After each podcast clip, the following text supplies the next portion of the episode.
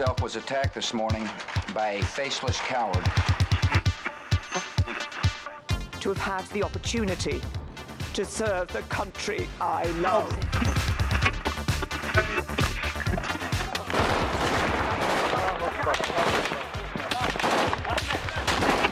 Den Einsatz für Frieden und Freiheit in Deutschland, in Europa und in der Welt. We will southern border. I beg you, please do not fail on this.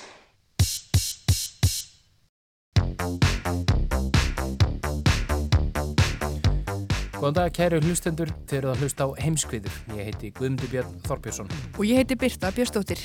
Í heimskviðum er fjallað um það sem gerist ekki á Íslandi.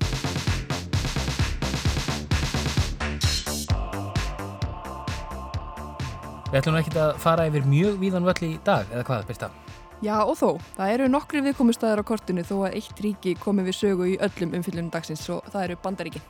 En þetta verður nú samt örglega ekkit einhæft við fjöllum bæðum innanlands, pólitík um millaríkja, samninga og samkómulög og svo skemmtanað innan. Það er síknuð Donalds Trump vegna ásakanum embættisglöp, fríðar samninga sama manns í mið-austurlöndum og svo Óskarsvölunin, en þar kemur Trump ekkert við sögur, eða hvað? Nei, reyndar ekki. En við ætlum samt að fara yfir og rifja upp samspil pólitíkur og Óskarsvöluna um umdelda velunahafa og hvernig sum þeirra hafa nýtt sviðsljósi til að koma málefnum í umræðina og hvort það hafi ykkur áhrif. En þið Bjarni Pétur Jónsson, þið ætlaði að hefði leika og hverju ætlaði þið að segja okkur frá? Við ætlum að ræða réttarhöldin yfir Donald Trump, fósetta bandarækjana um þeirrim lauk í vikunni. Fósettin var sem kunnugt er ákerður af fulltrúadeild bandarækjathings fyrir embættisglöp í starfi, fyrir að misnota völdsín sem fósetti annarsvegar og fyrir að hindra framgangar ansóknar fulltrúadeildarinnar hinsvegar. Hvernig fór þetta allt saman og hvernig kemur fósettin út úr þessu nú þegar um nýju mánuður eru þanga til fósettakostningar fara fram vestanhafs?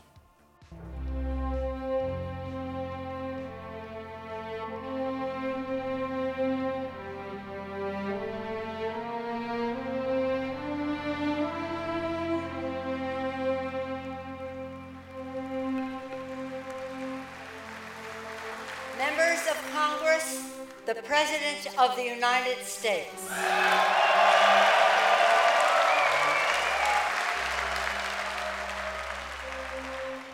The American adventure has only just begun. Our spirit is still young, the sun is still rising, God's grace is still shining, and my fellow Americans, the best is yet to come. Thank you, God bless you, and God bless Ævintýrið er rétt að byrja og við erum rétt að byrja, saði Donald Trump í stefnuræðu sinni í vikunni. Það má segja hann hefur hlaupið sigur ring á gólfi fulltrúadeildar bandarækjathings áður en hann flutti ræðuna. Niðurstöðu var að vænta úr öldungadeildinni eftir að Trump varð fjórði fósettin sem er ákjærður til embættismissis. Vikan hefði vel geta orðið eins og versta í fósettatíðans en reyndist einum hans bestu. Hann er bjart sítni og endurkjörin áður og það hlakkaði í honum vegna ófara demokrata í forvalinu í Iowa. En þær hálf kæfðu kostningabartu þeirra einmitt þegar öll aðtiklin áttið að vera á henni. Og Trump færði sér þetta í nýtt enda baráttan fyrir fósettakostningarnar í november lungu hafinn. Bill Clinton stóð í sömu spórum á Trump árið 1999 þegar hann var ákjærður til embættismissis. Hann flutti stefnuræðu sína í miðjum réttarhöldunum en myndist ekki einu orði á þau í 77 mínútna ræðu.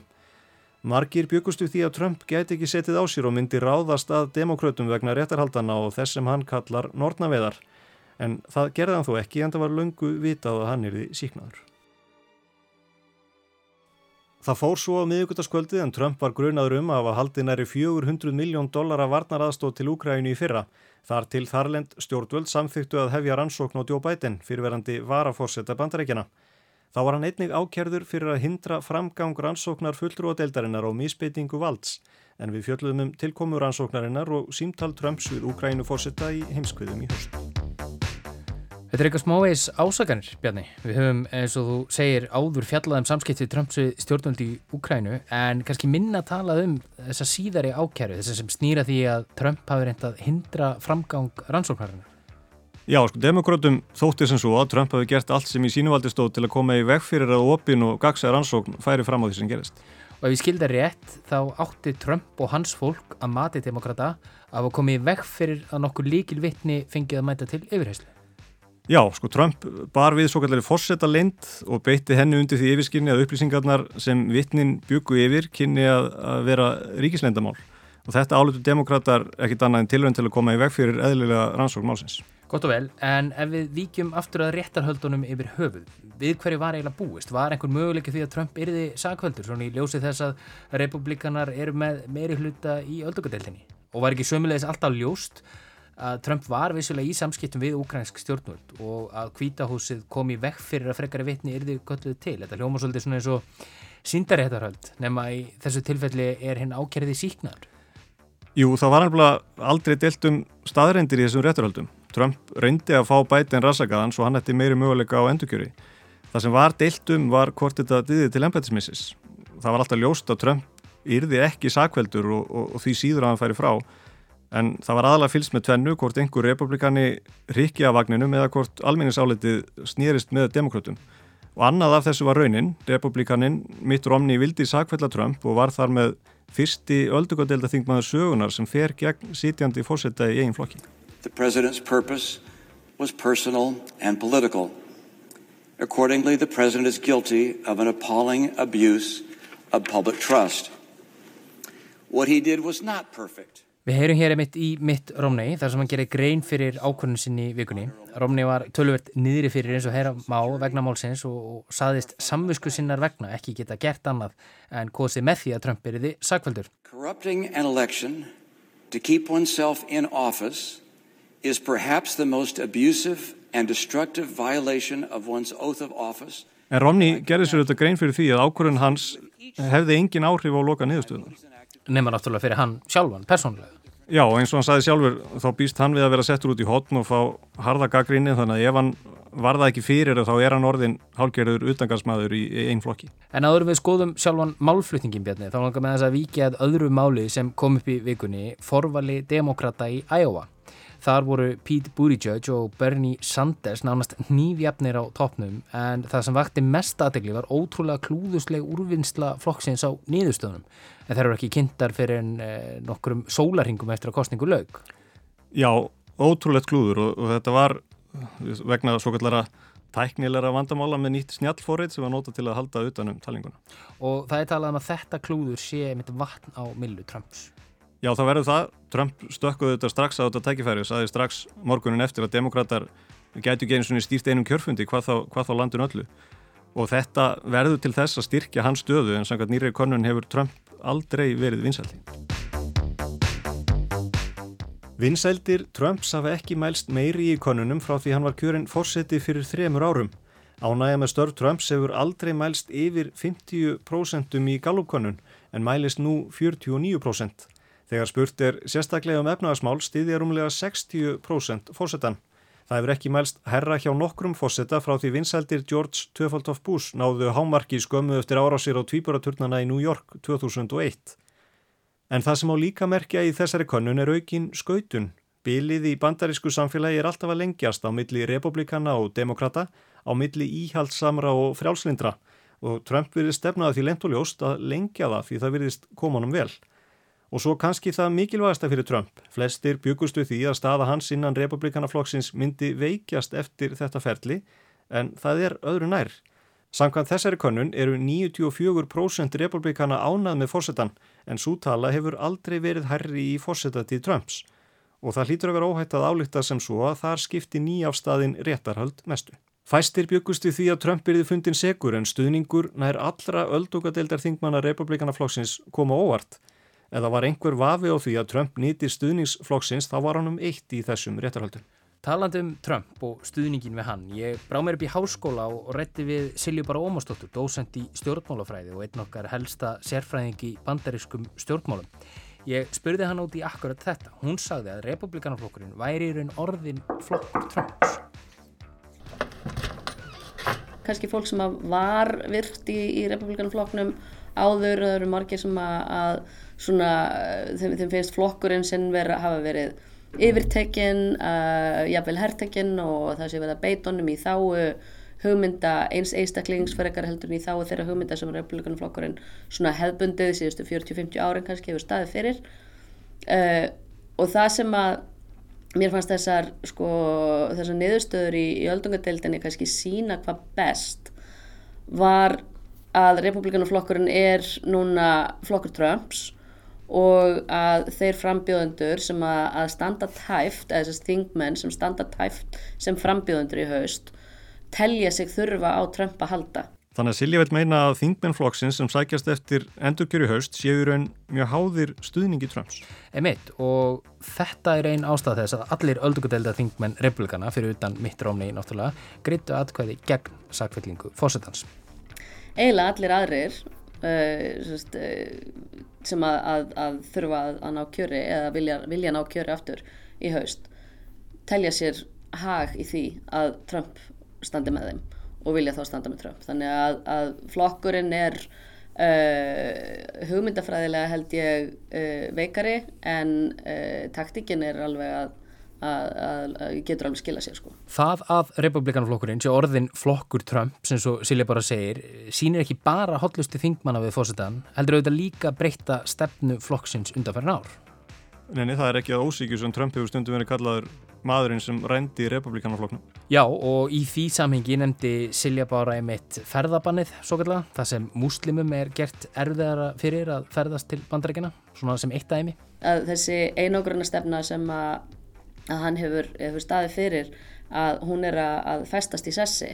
Og ef hann situr áfram í fjóður ár þá uh, er bandaríkinn náttúrulega að, já þá er hann búin að færa bandaríkinn ekki bara republikanflokkin, bara á allt annan stað heldur en að, að bæði flokkurinn og, og, og ríkið hafa verið og það er náttúrulega mörguleiti miklu erfiðara fyrir flokksminn í republikanflokknum að færa sig eitthvað um set og fara annað, við sjáum hérna við erum óhana með sjálfstaflokkinu og getum við færið í viðreysn eða eða hérna miðflokkin eða eitthvað sko, það eru er aðrir valkostir það er þetta miklu miklu erfara val. Já, og algjörlega, það er þú veist, þetta er tveggjaflokka kerfi, þetta er einmenningskjördæmi sem þýður auðvitað það er ekki, það er mjög erfitt að að ná kjöri sem þriði aðili. Fólk, fólk er óbúslega fast fyrir og það gerir flokkana náttúrulega mjög sérstaka þannig að, að sko breytin í flokkonum bandrækjunum er náttúrulega mjög mikil og þess að því líka að þú hefur ekkert plást til þess að fara neitt út úr þeim sko. Við heyrum meira í Siljubára á eftir en Bjarni getur þú sagt okkur aðeins frá sjálfum réttarhöldunum sem lög í vikunni og málflutningum? Já, þetta er ferlið sem við tekið sko um fjóra mánuði. Trump var svo ákjörður rétt fyrir jól og réttarhöldin í öldungadeildinni hófustu miðan januar og lög núna miðugtaskvöldið. Og þetta er í þriðja sinn sem réttaðir yfir bandarækjafórsetta í öldungadeildinni og fyrirfram var auðvitað búist í síknu en demokrater sóttu það stíft að fá hann sagvalda. Today, we urge you, in the face of overwhelming evidence of the president's guilt, and knowing that if left in office, he will continue to seek foreign interference in the next election, to vote to convict on both articles of impeachment and to remove from office Donald J. Trump, the 45th President of the United States. Þarna heyrðum við í Adam Schiff, formanni leini þjónustu nefndar fulltrúadeildarinnar sem var einn málflutningsmanna demokrata í öldungadeildinni.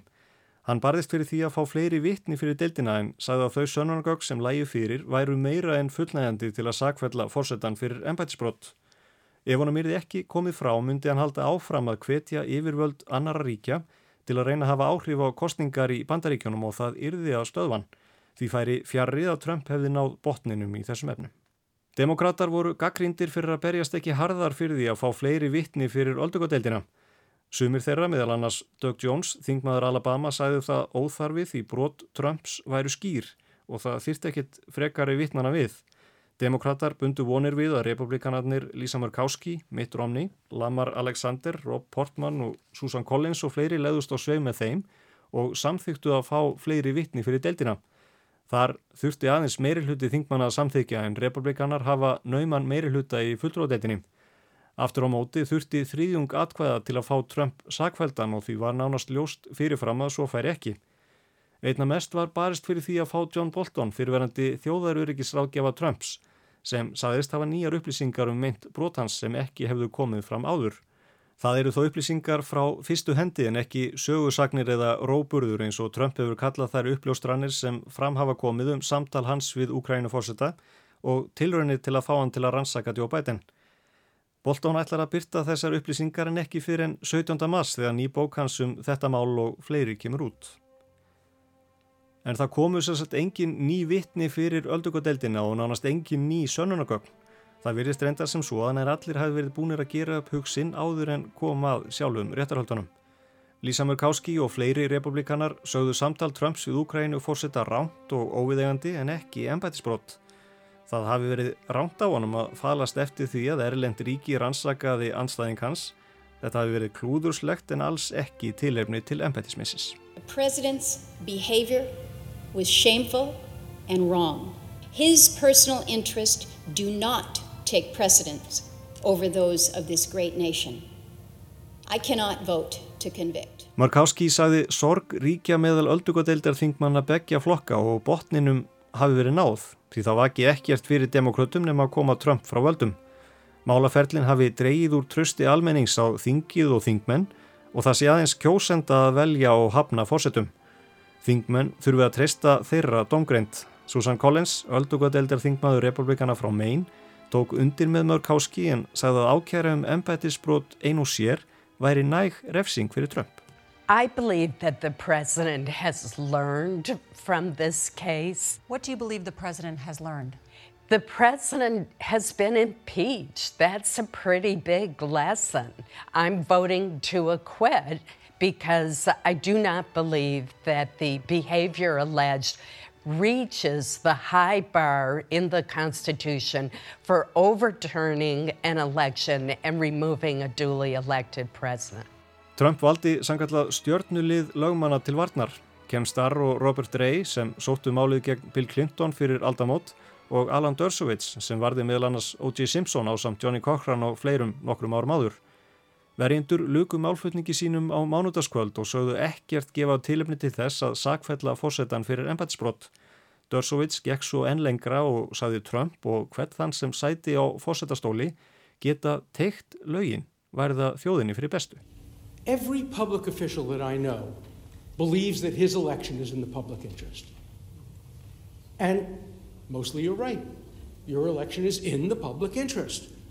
And if a president does something which he believes will help him get elected in the public interest, that cannot be the kind of quid pro quo that results in impeachment. Greiði fyrir greiða quid pro quo sem flest allt snýrist um í þessum réttarhöldum væri daglegt brauð í alþjóðastjórnmálum og hefði verið lengi. Quid pro quo alone is not a basis for abuse of power. It's part of the way foreign policy has been operated by presidents since the beginning of time. Dershowitz er demokrati og það þótti stert af Trump að fá hann til varnar. Ákvarðun Trumps var líklega ekki tekin að vel ígrunduðu máli því samkvæmt bandarísku miðlum vek Trump sér aðanum í matarbóði og sannfærðan um að taka þetta sér. Það hefði geta reynst afdreifaríkt í orð Dershowitz sem um að fórsetin mætti allt, jafnvel brjóta lögin, mæltust ítla fyrir hjá almenningi. Fórsetin er ekki hafinn yfir lög og Dershowitz sagði síðar að samhengi og orðalag hans hefði aðeins skólast til. En aðri republikanar voru frá byrjun ákveðinir í að síkna fórsetan og klúðurslegt orðalag hjá einum lögmanni breytti þar engu. Mitch McConnell leiðtói þeirra í öldugadeildinni saði demokrata ráðast að stjórnarskráni og þeim stopnunum sem væri ætlað að verjana. Hann saði demokrata hugsa sem svo að Trump hagaði sín eins og fýll í postolinsbúð og þeir ætluðu með jarðítu á búðina til að stöða. We've watched a major American political party adopt the following absurd proposition. We think this president is a bull in a china shop, so we're going to drive a bulldozer through the china shop to get rid of it. This fever led to the most rough... McConnell spurði sig hvort flokks hotlustan hefði blindað demokrata eða hvort þetta hefði verið ætlunin frá byrjun að reyna að búa til upplaup í þinginu, tryggja sér þar með stuðning almennings og eiga betri möguleika á að koma Trump frá í haust. Já, þannig að niðurstaðan var það endingu svo að Trump var síknaður. Já, og í fyrirnefndri stefnuræðu sinni myndist hann ekki einu orði á rétturhaldi. Akkur heldur að það hafi verið? Sko vegna þess að það var einfallega sterkara fyrir hann að sleppa því. Það skiptir engu þótt hann geti sagt saklaus af því að þetta er auðvitað blettur á hans fósettatíð og allra þeirra fósetta sem hafa verið ákjærðir fyrir ennbæðsklub. Emitt, en þrátt fyrir það, þá telur Silja bara ólíklegt að þetta komi til með að hafa telljandi áhrif á Trump í komandi kostningabartu. Uh, eh, staðan í bandaríkjum hins vegar er orðin svo að, að þessi, þessi gríðarlega klopningur og þessi skautun sem er á milli kjósenda demokrata og, og republikana þýðir raun og veru að uh, samsömunin, sjálfsmyndin er svo sterk meðal kjósanda republikana og annars vegar og demokrata hins vegar að fólk er ekkert að meta þetta á einhverjum hlutlegum fórsöndum að uh, þau sem að styðja uh, Trump þau gera það jafn ákaft núna eins og þau gerða áður. Þannig að, að þetta hefur raun verið rosalega lítil áhrif. Við erum núna í februar kostningarnar eru eftir hérna nýju mánuði. Þetta eftir að falla í gleimsku í fjölmjölum og, og einhverjir kannski reyna að halda svo lofti svona nokkra mánuði En eins og fram hefur komið, þá komu Trump og hans fólk í vekk fyrir að vittni eruðu kölluð fyrir öldungadeildina og að fleiri gögn eruðu kynnt til sögunar. Meðal þeirra sem demokrater vildu kalla til var John Bolton fyrir um þjóðar öryggis ráðgjafi fósittans. Trump rak Bolton síðastlið haust aðalega vegna ólíkrar sínar þeirra á úteryggismál og þá sérilegi mál sem snýraða samskiptum bandaríkjana við Íran, Norðu Kóru og Afganistan. Já, Bolton hefur bóðað útgáðu bókar sem margir býða spenntir eftir en talið er að þar séu upplýsingar sem hefur getað sannað segt Trumps í þeim liðum sem hann var ákjörðið fyrir. Og þetta hefur eðli málsins samkvæmt valdið nokkrum titringi innan kvítahúsins og lögmenn þess eða bókinni séu ríkisleindarmál og, og því getur hún ekki farið í prentun og óbreyttu. En demokrater sögðu svo líka eftir að Trump var síknaður að rannsók fulltrúadeildarinnar haldi áfram og þar verði Bolton kallaðu til. Já og hann sagðist sjálfur tilbúin til þess að bera vitni þannig að við sjáum kannski þessar upplýsingar áður en bókin kemur út en Í ljósi þessar skautunar melli flokkana tvekja sem Silja talar um er þó alls ekkit víst að jafnvel þótt Bolton hefði bórið vittni og gögnum bókinni hefði verið sett fram sem sönnagögn að það hefði breytt einhverju. Uh, ég er erfitt með að trúa að það hefði breytt einhverju bara vegna þess hvernig sko bara staðan í bandarísku stjórnmálum er bara að það er allt veginn komið í svo mikið baklás og maður er mjög erfitt með að sjá fólk vika uh, hérna, að, að neyka sér einhvern veginn undan flokksaga eða eitthvað í þáttina bara það virðist varla vera hægt og uh, það sem að, að kannski er þá möguleikin að, að gögnin sem að, að Bolton uh, sittur á eða eru í bókina hans að þau komi inn í, í kostningabaráttuna Þannig að Silja er raun að segja að þrátt fyrir að vittnisspurðu Boltons hefði kannski ekki breytt miklu í sjálfum réttarhaldunum þá geti bókin haft áhrif á baráttuna fyrir fórstakostningarnar í, í nógumbyr Já, að því gefna í henni sé að finna eitthvað sem er nógu krassandi til þess að fá hundtrygga republikana til að evast um réttmæti Trumps á fórstastóli. Í ljósið þess hversu tryggir republikanar eru fórsetanum er það kannski ólíklegt, en við vitum alltaf ekki hvað stendur í bókinni. Nei, nei, en, en svo má þetta ekki stilla því þannig að, að það séu bara republikanar sem séu svona tryggir leittóanum. Sagan sínir okkur að þetta hefði líklega verið alveg eins ef demokrati hefði verið í kvítahúsinu. Þannig að svona í lokin má þetta velta því fyrir sér hvað þessar ákjærur þessi réttarhald og niðurstöður þeirra segja okkur um stöðu líðræðis í bandaríkjanum. Má ekki eiginlega segja að þetta ferli að ákjæra fórsetta bandaríkjana fyrir ennbætisklöpp hafi að einhverju leiti mist gildi sig? Jú, það verist allavega aldrei hafa verið nokkur einasti möguleiki því að Trump erði sakveldur. En þetta verður auðvitað aldrei alveg hlutlaust domstól En ef atkvæði falla alltaf eftir flokkslínum þá er erfitt að sjá tilgangin í þessu, öllu þessu ferli. Og ég held að við margir horta á það þegar að, að aldrei þingmenn nú er að sverja eið Uh, um það að þeir myndu hérna, taka uh, metagögn og hlutlegt og, og allt það að hafi vitað að það ætlaði sér engin að skipta um skoðun þá voru allir búin að ákveða hver, hérna, hvernig þeir myndu kjósa þegar að, tilkæmi og, og, uh, og þetta þýðir auðvitað líka bara veist, að næst þegar það kemur eitthvað upp að það er demokrati sem er fórseti þá mörgur republikaninni segja já, þið ákjörðuð okkar fórseta að, að tilvinnislausu og við bara gerum það með ykkar og demokrátum mun segja að við ætlum ekki að skipta um skoðun í, í, hérna, í málaferðlinu eða yfirheyslinu, við þurfum ekki að fá gagn, við þurfum ekki að fá vittni, við munum bara taka hérna, ástöðu á, á grundvelli gagna og, og málflutnings og eins, einskis annars.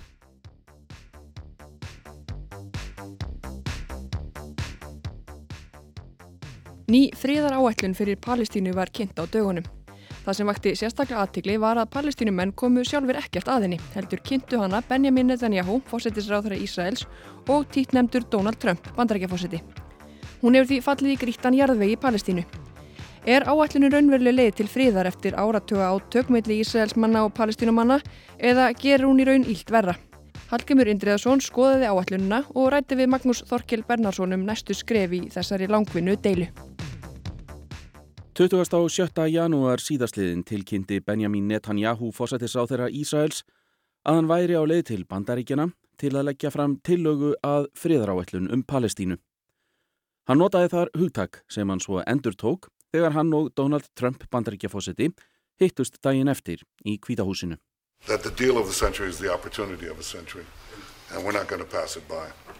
Hann saði við Trump að samningur aldarinnar væri tækifæri aldarinnar. Því ætti ekki að sleppa. Þetta nafn, samningur aldarinnar, fór að festast við áætlunina áður en hún var svo kynnt degi síðar eða 20. og 8. janúar. Framkom að bæði Netanyahu og Benny Gantz leðtogi stjórnaranstöðunar í Ísrael hefðu samþygt hana. Það var orðað þannig að þeir tveir ætluðu að nota hana sem grunn fyrir samningaviðræður við palestínumenn. Þessi aðdragandi er ofennjulegur. Magnús Þorkjell Bernhardsson, professor í miðausturlandafræðum við Háskólan í Massachusetts, segi það þó ekki koma á óvart að Trump hafi sett þetta á oddin. Það hafi hann gert meira á að minna frá því hann var kosin. Það sem gerir þetta öruvísi kannski á sjálfsögðu er að alveg frá því 1947 eftir að saminu þjóðunar komu að málöfnum Ísrael og Palestínu þá var alltaf viðþarfið það að alþjóðu samfélagið, saminu þjóðunar og Ísraelsmenn og palestinumenn myndi setja saman að borði sameilega og komast að sameilega niðurstöðu til þess að reyna að útkljá þessi mál. Þannig að þetta er svolítið algjörlega ný svona aðferðafræði uh, og það má kannski völdu því fyrir sér hvort að þetta sé þá jákvægt að sé verið að ringla í þessu og kannski að, stilla mönnum upp á nýtt á, á, á tablborðinu en hins vegar maður líka líta svo á að hvers konar fríðarsamningur er þetta ef þeir aðlar sem eiga að vera sko viðkomandi aðlar að þessum framtíð þessa svæðis er ekki hlut þáttekundur í þessu ferli.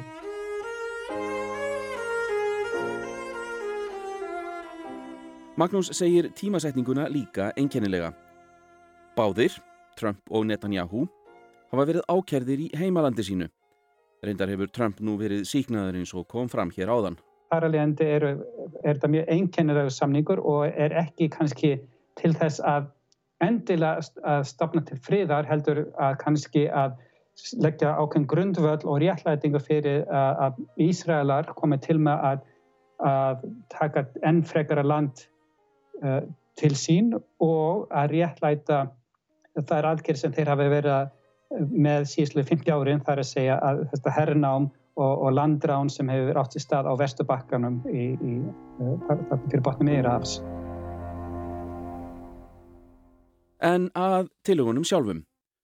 Trump segir þær fela í sér að þjóðirnar fái sambærilegt svæði til umráða á vesturbakkanum og Gaza og palestínumenn fái yfir tvöfalt meira land til umráða en þeir hafa núna. Þetta sé í fyrsta sinn sem Ísraelsmenn hafi samþygt tillögu að landamærum fyrir sjálfstætt ríki Palestínu. Þá hafi Ísraelsmenn samþygt að taka ekkert land til sín í fjögur ár til að liðka fyrir sameiginlegri lausn. Á hinbógin verður Jérúsalem höfuðborg Ísraels og landtökubyggðir Ísraelsmanna á vesturbakkanum verða viðurkendar sem Ísraelst svæði. Að auki fá Ísraelsmenn yfirráð yfir Jordandalnum sem palestínumenn telja órjúvanlegan hluta af sínu ríki, en Ísraelsmenn telja hann hernaðarlega mikilvægan fyrir sig. Bandarísk stjórnvöld heita svo aðstóð við að koma flóttamönnum fyrir á nýjum stað ef þeir vilja flytja sig. Trump hefur kynnt þetta sem mögulegan grunnað samningum milli palestínumanna og Ísraelsmanna.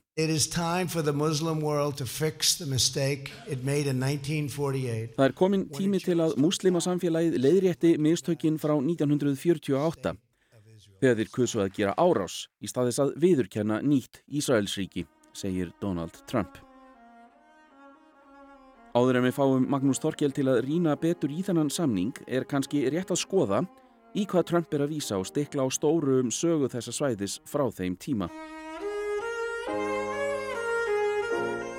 Árið 1947 gáfu saminuði þjóðirnar út áætlun um skiptingu svæðisins sem nú er Ísrael og Palestína, milli Gýðinga og Araba. The DAC Committee for Palestine was adopted by 33 votes, 13 against, 10 abstention. Bretar höfðu þá yfirráði yfir svæðinu og þar hafði ríkt töluverður ófríður undan farna áratugi. Áætlunin gerði ráð fyrir alþjóðlegri stjórn yfir Jérúsalem sem ætti að vera við völdi í tíu ár. Síðan ættu íbúar að halda þjóðaratkvæðagreðslu um hver ætti að stjórna borginni. Leðtógar Gýðinga samþyktu áætlunina en Arapar ekki. Bretar gáttu ekki leist úr þessum ágreiningi og því yfirgáðu þeir svæðið árið eftir, 1948.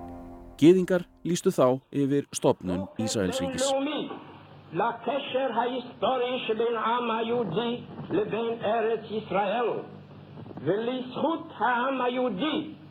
Stríð braust út milli nýja ríkisins og Araparíkjana. Ísælsmenn báru segur úr bítum árið eftir og stjórnuðu þá stórum hluta alls svæðisins. Að því frátöldu að Jórdanar réðu vesturbakkanum, þar á meðal austurhluta Jérúsalem og Egiptar Gazaströndinni. Átökin á millið er að heldu samt áfram. Ísraelsmenn herrtóku Vesturbakkan og Gaza á samt fleiri svæðum í sexdagastríðinu 1967. Around 300 Israeli aircraft, mainly French-built fighter bombers, prepared to launch the most decisive airstrike in history. Their target, the air forces of Egypt... Þar á meðal austurhluta Jérúsalem. Síðan þá hafa Ísraelsmenn komið upp landtökubyggðum á Vesturbakkanum, þar sem búa nú um 600.000 gýðingar byggðir sem palestínumenn telja ólöglegar. Þeir hafa lengi sóst eftir því að fá að stopna sjálfstætt ríki sem innihjaldi Vesturbakka, Jórdan og Gazaströndina, þau svæði sem Arabar réðu yfir frá 1947 til 67. Í þessu samingi er líka rétt að nefna að árið 1993 áttu sér stað leynilegar viðræður í Ósló sem enduðu með því að Ítzak Rabin, þáverandi æðsti herfóringi Ísraelsmanna, og Yasser Arafat, þáverandi leiðtogi PLO frelsisamtaka Palestínu, skrifið undir vilja yfirlýsingu um að semja um framtíðina í staðis að heia stríðumanna.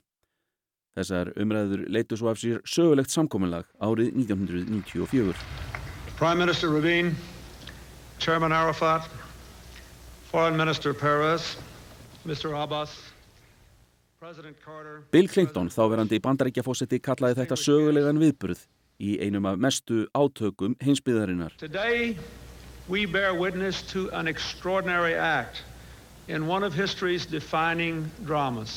Samkominnlagi fór í sér að palestínumenn fengu til umráða nokkur svæði á vesturbakkanum og Gaza. Palestínumenn viðurkendu Ísraelsríki og Ísraelsmenn samþyktu PLO sem leðtoga palestínumanna. Þar með fengu palestínumenn sína fyrstu ríkistjórn. Ísraelsmenn og palestínumenn áttu að fá fimm ár til að koma með samningum tveggjaríkja lausn á svæðinu með stopnun palestínuríkis og að Ísraelsmenn dræju herlið sitt frá vesturbakkanum. Þessi samningur var til þess að Rabin, Arafat og Shimon Peres, þáverandi utaríkisráð þeirra Ísraels, fengu fríðarvelun Nobels þetta ár. Shimon Peres saði við þetta tækifæri að Arafat værið að snúa frá leið átaka til leiðar viðræðina, milli Ísraelsmanna og palestínumanna og bætti því við við óskum palestínumönnum allsins besta í framtíðinni. Samkominnlegi gekk ekki eftir nema að litlu leiti. Óanægja fór fljótlega að láta á sér kræla í Palestínu með samkominnlegið. Þeir töldu að með því væri verið að gefa of mikið af landi eftir til Ísraelsmanna. Hamas samtökin gerðu meðal annars sjálfsmórsprengju árásir, þar sem gýðingar voru skotmarkið. Ísraelsmenn keldu margir hverjir Ísak Rabin um að sá jarðveginum fyrir þessar árásir og var hann á endanum myrtur í oktober 1995. Aðeins lítill hluti herliðs Ísraelsmanna var kallaður tilbaka og Ísraelsmenn herrtóku svo Vesturbakkan árið 2002. Átök hafa brotist út reglulega síðan Þannig að Óslóarsamkomiðlægið varði ekki sá grundvöldur að fríðarsamkomiðlægi sem var vonast eftir.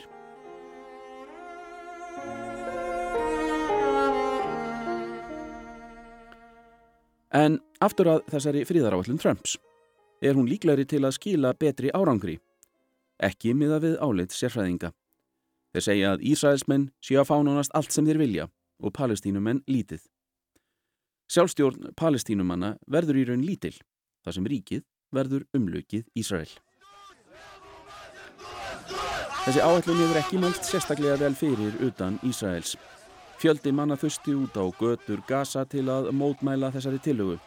Mahmoud Abbas fósetti Palestínu brást einnig ókvæða við.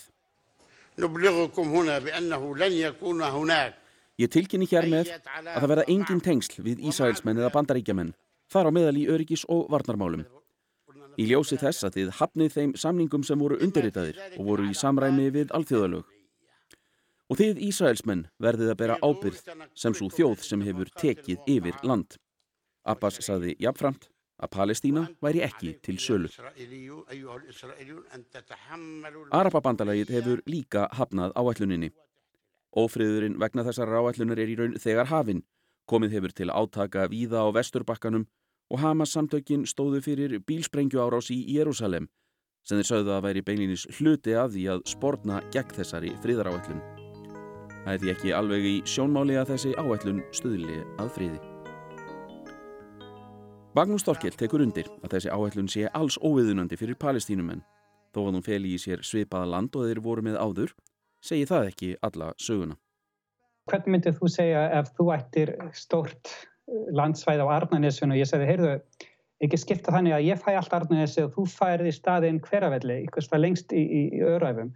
Það, það sem er að tala um er að kannski eru prósentu hlutfalli af landi sem palestinumenn álíka og þeir hafi verið með, en hvar er þetta land og hvers konar landskæði eru á þessum stað og hversu líklegt er að á því landi getur palestinumenn búið og eitthvað framtíðar samfélag. Sína líka sko hvað hefur átt og hvað, hvaða tengsl áttu við landið.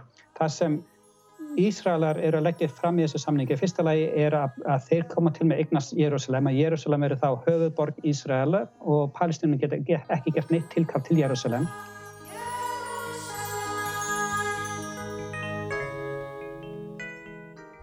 Öðru lagi að þá allur vestubakkin sem hefur verið svona í svona framtíðavísir af sjálfstöð palestínsk uh, uh, þjóðfélagi eða ríki er stór hlut þess er því eigu Ísraela og, og þetta er það land, þau landgæði þar eru gífilega, það er mikið vatnið þar og, og landbunar uh, land þar, þar er líka þetta sögulega land.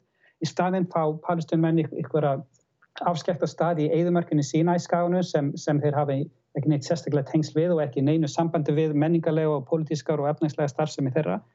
Í þrýðalagi er líka verið að, að segja að þeir palestinumenn sem eru í útlæð, eru flóttamenn, eiga ekki rétt á því að snú aftur heim og meðan að Ísraelar eða gýðingar annars þar í heiminum eiga fulla rétt að snú aftur heim til, til, til Ísrael. Þannig að þeir palestinumenn eiga ekki að búa í því landi sem þeir telja sér sín heimkynni. Til að bæta gráofan og svart getur þetta sjálfstæða ríki Palestínu ekki haft eigin stofnanir eins og til dæmis her. Þá er aðgengi að miðjararhafinu takmarkað þannig að þeir hafa kvorki aðgang að fiski nýje gasauðlindum þar. Þetta er ekki sko ríki, þetta er ekki þetta er eins og líki að ríki þannig að þetta er raunveruleg ekki uh, grundvöldur að, að, að meinu sem palestinmenn hafa ímyndað sér að er þið framtíðar land palestinumanna. Þannig að þetta er að, að búa til algjörlega nýjan og veruleika fyrir palestinumenn sem, sem kemur til að skerða mjög uh, efnaslega og menningarlega og, og, og stjórnmála tengst þeirra við, við sitt eigi land. Christian, Jews and Muslims living together and praying Magnús Torkjell segir palestínumenn hins vegar í erfiðri stöðu til að streytast á móti þessum samningi. Þeir hafi lítinn stuðning frá öðrum Araparíkjum en frá eru taldir Íranir og Tyrkir. Það er mjög aðtilsvert að velta því fyrir sér að skoða það að eftir að Netanyahu var í kvítahúsinu þá fór hann strax beint til, til Putin í Moskvu og, og Ísrael eru mjög umhugað að rússar eru, eru fylgjandi þessum, þessum samningi. Þannig að ég er ekki alveg viss sko, hvaða, hvaða leiðir og hvað, hvaða, hvaða valdastóðir eru í allt því samfélagin sem geta sko, komið veg fyrir að, að Ísraelar uh, gangi fram með þessum hætti sem þessi samningur gerir ráð fyrir. Og það er bara því miður uh, virðist vera starrindin að það, er það er svona fókið virðist í flest skjól hjá, hjá palestímennu hvað, hvað, hvað þetta varðar.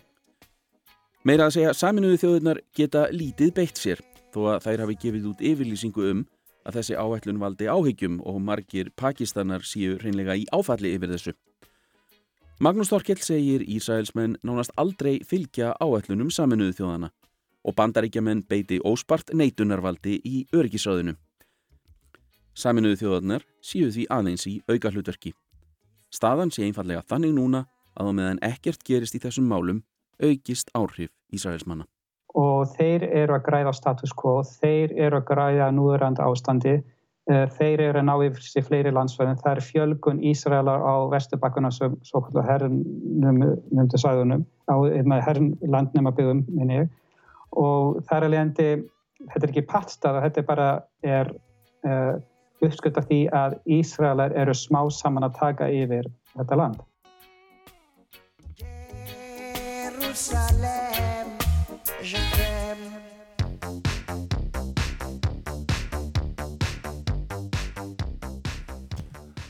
Óskarsvelunin verða veitt um helgina. Það er ekki ósennilegt að stór hluti þjóðurinnar verði óútsofin í vinnu og skóla á mánudag. Þau sem vilja fylgjast með því hvort Hildur Guðnadóttir okkar kona bæti ekki við síðustu og stærstu velununum í ríkulega verluna uppskýru sína síðastlinnar vikur og mánuði. Já, því Óskarn er stærstur, mestur og bestur, eða hvað, Birta Bjöstóttir.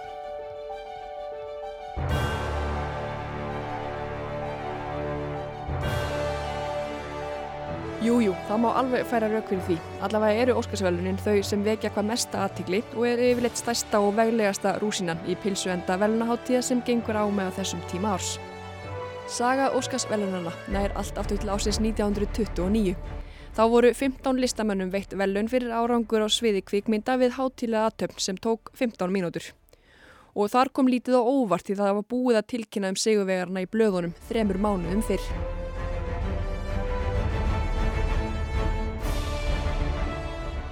Stittan er gullslegin rittari sem stendur á filmu með fimm ringjum sem hver og einn táknar líkil fög akademíunar. Leikarar, handreitshöfundar, leikstjórar, framleiðendur og tæknifólk. Sagan segir að meksikóski leikarin Emilio El Indio Fernández hafi verið fyrirmynd rittarans en öllu skiptari skoðanir eru um nafngiftina. Óskarinn hefur verið kallaður það frá árunni 1939 þegar að velunin voru um 10 ára. En hvort hann heiti Óskar eftir fyrsta eiginmanni leikonar Bette Davis eða Óskari frænda Margaret Herrick sem var rítar í akademíunar skal ekkert fullirt um hér. Þannig að sagan er laung og svo laung að hún er næstum farin að ganga í ringi. René Selveger er í ár tilnæmt sem besta leikonan í aðalhutverki fyrir að leika Judy Garland í kvikmyndinni Judy. Oh please, I'm Judy. Garland vann aldrei Óskarsvelun sjálf en komst einu sinni afar nálægt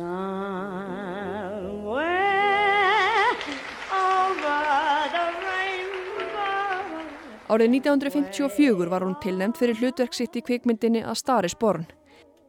Þá átt hún ekki heimangengt á háttíðina, lág á sæng, nýbúðin að fæða barn.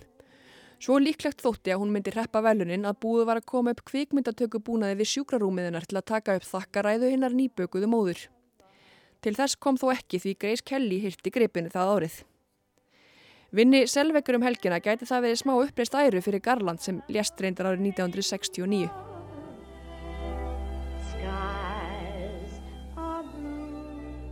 Saga Óskarsins er laung og eins og vennilega er það ekki penu sigurvegarnir sem mæta til leiks og þakka vinum og vandamönnum fyrir aðstóðina sem standa upp úr þegar litið er yfir söguna.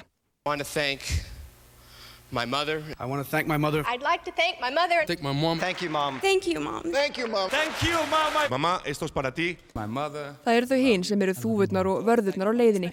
Fólki sem segir eitthvað, gerir eitthvað sem vekur aðtigli. Skemst er að minnast Svanakjólsins sem Björk Viðmundsdóttir klættist á Óskarsvæluna háttíðinu 2001.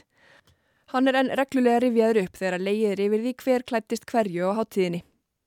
Óskarsvelunin geta verið pólitísk og ef velunin sjálf eða tilnefningarnar eru það ekki, geta þau sem velunin hljóta hverju sinni gert þau pólitísk. Eða allavega nýtt opna gluggan sinn, þetta nokkura sekundna tækifæri sem þau fá á sviðinu áður en tónlistin brestur á, til að deila á menn og málefni, setja mál á dasgrá. Það er einmitt það sem Jimmy Kimmel, kynir háttíðarinnar árið 2018, hvati sigurvegara kvöldsins til að gera.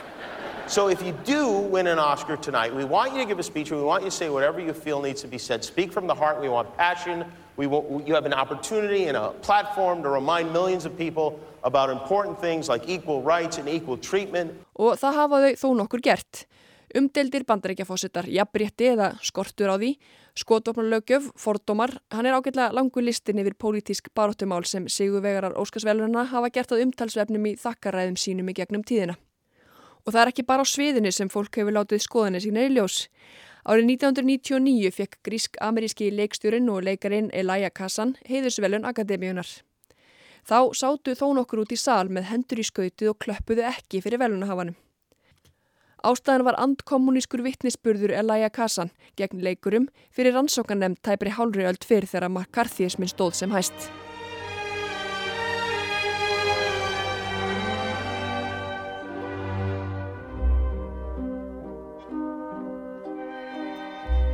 Marlon Brando fekk Óskarsvelunin árið 1973 fyrir að leika Don Corleone í Guðföðurnum.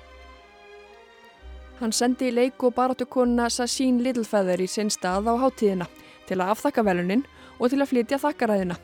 Nefnæði í ræðunni var tíundu gaggrinni Brandós á líti lækandi og fordómafulla framgöngu kvikmyndaðinaðarins gegn frumbyggjum bandaríkana. That he very regretfully cannot accept this very generous award. And the reasons for this being are the treatment of American Indians today by the film industry, excuse me, Annar umdeldu maður sem tók ekki á móti velunum sínum er leikstjórin Róman Polanski. Hann var tilnemdur og vann fyrir leikstjórn The Pianist árið 2002. Hann var ekki á staðinum því hann er í útlegð frá bandaríkjunum eftir að hafa nauðgað þar stúlku undir lögaldri. Sama akademi og veitti honum velunin þarna 2002 ákvaður 2018 að honum erði vikið úr akademíunu vegna forsögunar.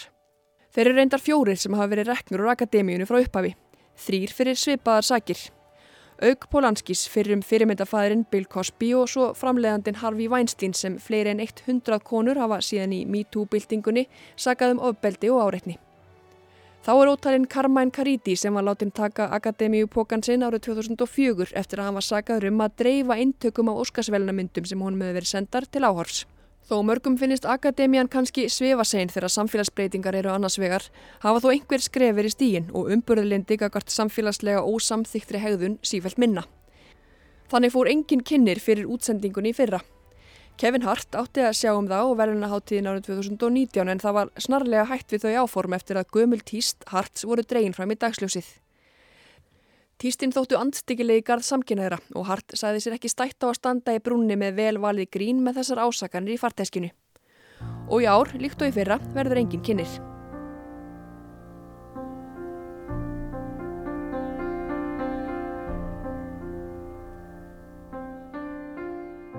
Að setja mál á dasgrá er afar gott og blessað en áhrifin sem það hefur eru auðvitað mis mikil. Árið 2015 spruttu upp miklar umræður á samfélagsmiðlum og víðar undir millumerkinu Oscars So White eða ótrúlega kvítur Óskar. Uppsprettan var svo staðreind að þá, 2015, voru þau öll kvít á hörund, leikararnir og leikonuna 20 sem tilnæmt voru til veluna fyrir leiki aðal og aukarhlutverki. Og það sama hafi verið upp á teningum árið áður. Þetta var sem sé rætt fram og tilbaka. Nú er liðin fimm ár og staðnendin er að einungis einn af þeim tíu leikonum sem eru tilnemdar í ár er ekki snjaka hvít á hörund, en það er Cynthia Erivo. Og enn fölleitari er sá tíu manna hópur leikara sem tilnemdir eru fyrir aðal og augalhutverknu í ár, en þeir eru allir hvítir. Og fjölbreytt er hún kannski ekki heldur aldurstreyfing þeirra fimm karla sem tilnemdir eru fyrir leiki í augalhutverki í ár.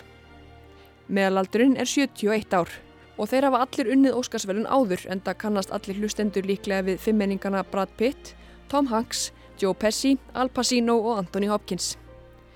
Pitt er sá eini þeirra sem á ekki, allavega ekki enn, Óskarsvelun fyrir leik heldur framleiðslu á 12 years a slave, en það er önnusaga. Leikarin og jókarin Joaquín Phoenix nýtti sinn opna glugga og nýjafstöðnum baftaverðunum þegar hann sagði tilnefninguna til jafn ófjölbreyts hóps senda bara einn skilabóð. Þið hinn megið ekki vera með. Uh, I think that we send a very clear message to people of color that you're not welcome here. Það er spurning hvort Phoenix verði með samskona skilabóð vinni hann Óskar á sunnudaginn fyrir jókarin. Eða einhver allt önnur. Og talandum Phoenix, önnur spurning sem einnig feilir í sér skilabóð til umheimsins er svo hverju hann klæðist. Hann er nefnilega búin að þræða velunaháttíðir síðustu mánada íklætur sama smókingnum úr smiðju Steluma Kartney. Já, gott fólk, það þykir framúrskarandi umhverjusvæn nýttni hjá honum að nota sérsömuðu jakkafötnin sín oftar en einu sinni.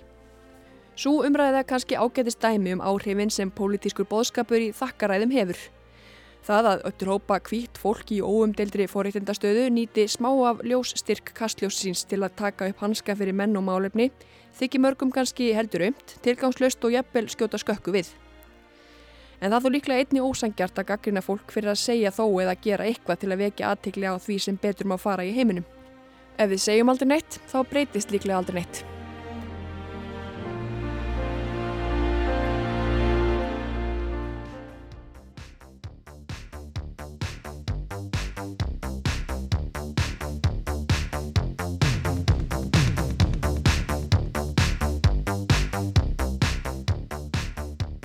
Heimskuður verða ekki fleiri þessa vikuna. Þátturinn er aðgengilegur á öllum helstu hlaðvarpsveitum og það er ekki úr vegi að minna hlustendur á að gerast áskrifundur af þættinum en það er hægt meðal annars á iTunes og Spotify og hvað það nú heita allar þessar veitur. Og svo eru aðrir möguleikar í stöðinni það er að hlusta á þáttin í RÚV appinu eða í spilarnum á RÚV.is og þeir eru ágættir síðu líka að lesa allar fréttaskýringarnar úr uh, þessum þætti og öllum hinnum líka.